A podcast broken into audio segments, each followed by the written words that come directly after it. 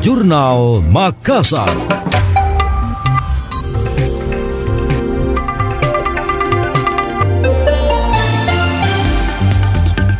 Provinsi Sulawesi Selatan merupakan daerah penyuplai pangan nasional. Untuk mempertahankan predikat itu, pemerintah Provinsi Sulawesi Selatan memaksimalkan infrastruktur pendukung sektor pertanian khususnya irigasi. Kepala Bappedalit Bangda Andi Darmawan Bintang menjelaskan pemerintah Provinsi Sulawesi Selatan memiliki lima program utama, di antaranya meningkatkan kualitas pelayanan, infrastruktur, serta irigasi. Menurut Darmawan Bintang, pemantapan irigasi dapat mempertahankan posisi Sulawesi Selatan sebagai kontributor pangan nasional, terutama dalam memenuhi kebutuhan beras beras untuk 27 provinsi.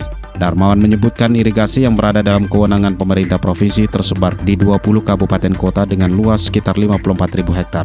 Hanya saja pihaknya belum mengetahui pasti berapa anggaran yang akan dialokasikan. Adapun tahun ini Kementerian PUPR serta pemerintah provinsi akan menganggarkan untuk menyelesaikan pembangunan jaringan irigasi baliase dan rehabilitasi daerah irigasi Sadang.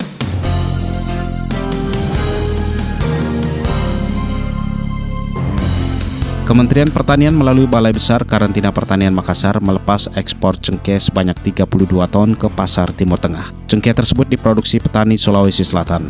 Negara tujuan ekspor pasar Timur Tengah yakni Qatar sebanyak 12 ton dengan nilai 896 juta dan Libya sebanyak 10 ton senilai 1,006 miliar. Menurut Kepala Balai Besar Karantina Pertanian Makassar, Lutfi Nasir, cengkeh yang diekspor tersebut telah memenuhi syarat untuk dilalu lintaskan sesuai dengan permintaan negara tujuan. Sebelum diberangkatkan menuju Qatar, cengkeh sudah melalui tahap pemeriksaan kesehatan yang menyatakan bebas dari OPTK atau organisme pengganggu tumbuhan karantina oleh pejabat Balai Besar Karantina Pertanian Makassar. Ia berharap adanya ekspor cengkeh ini dapat memberi stimulasi dan trigger bagi para eksportir lain untuk dapat membawa komoditas pertanian Sulawesi Selatan menembus pasar global.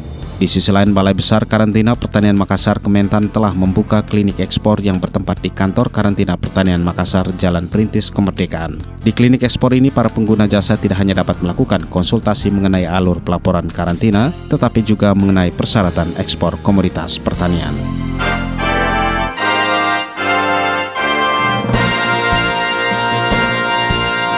Demikian tadi, Jurnal Makassar.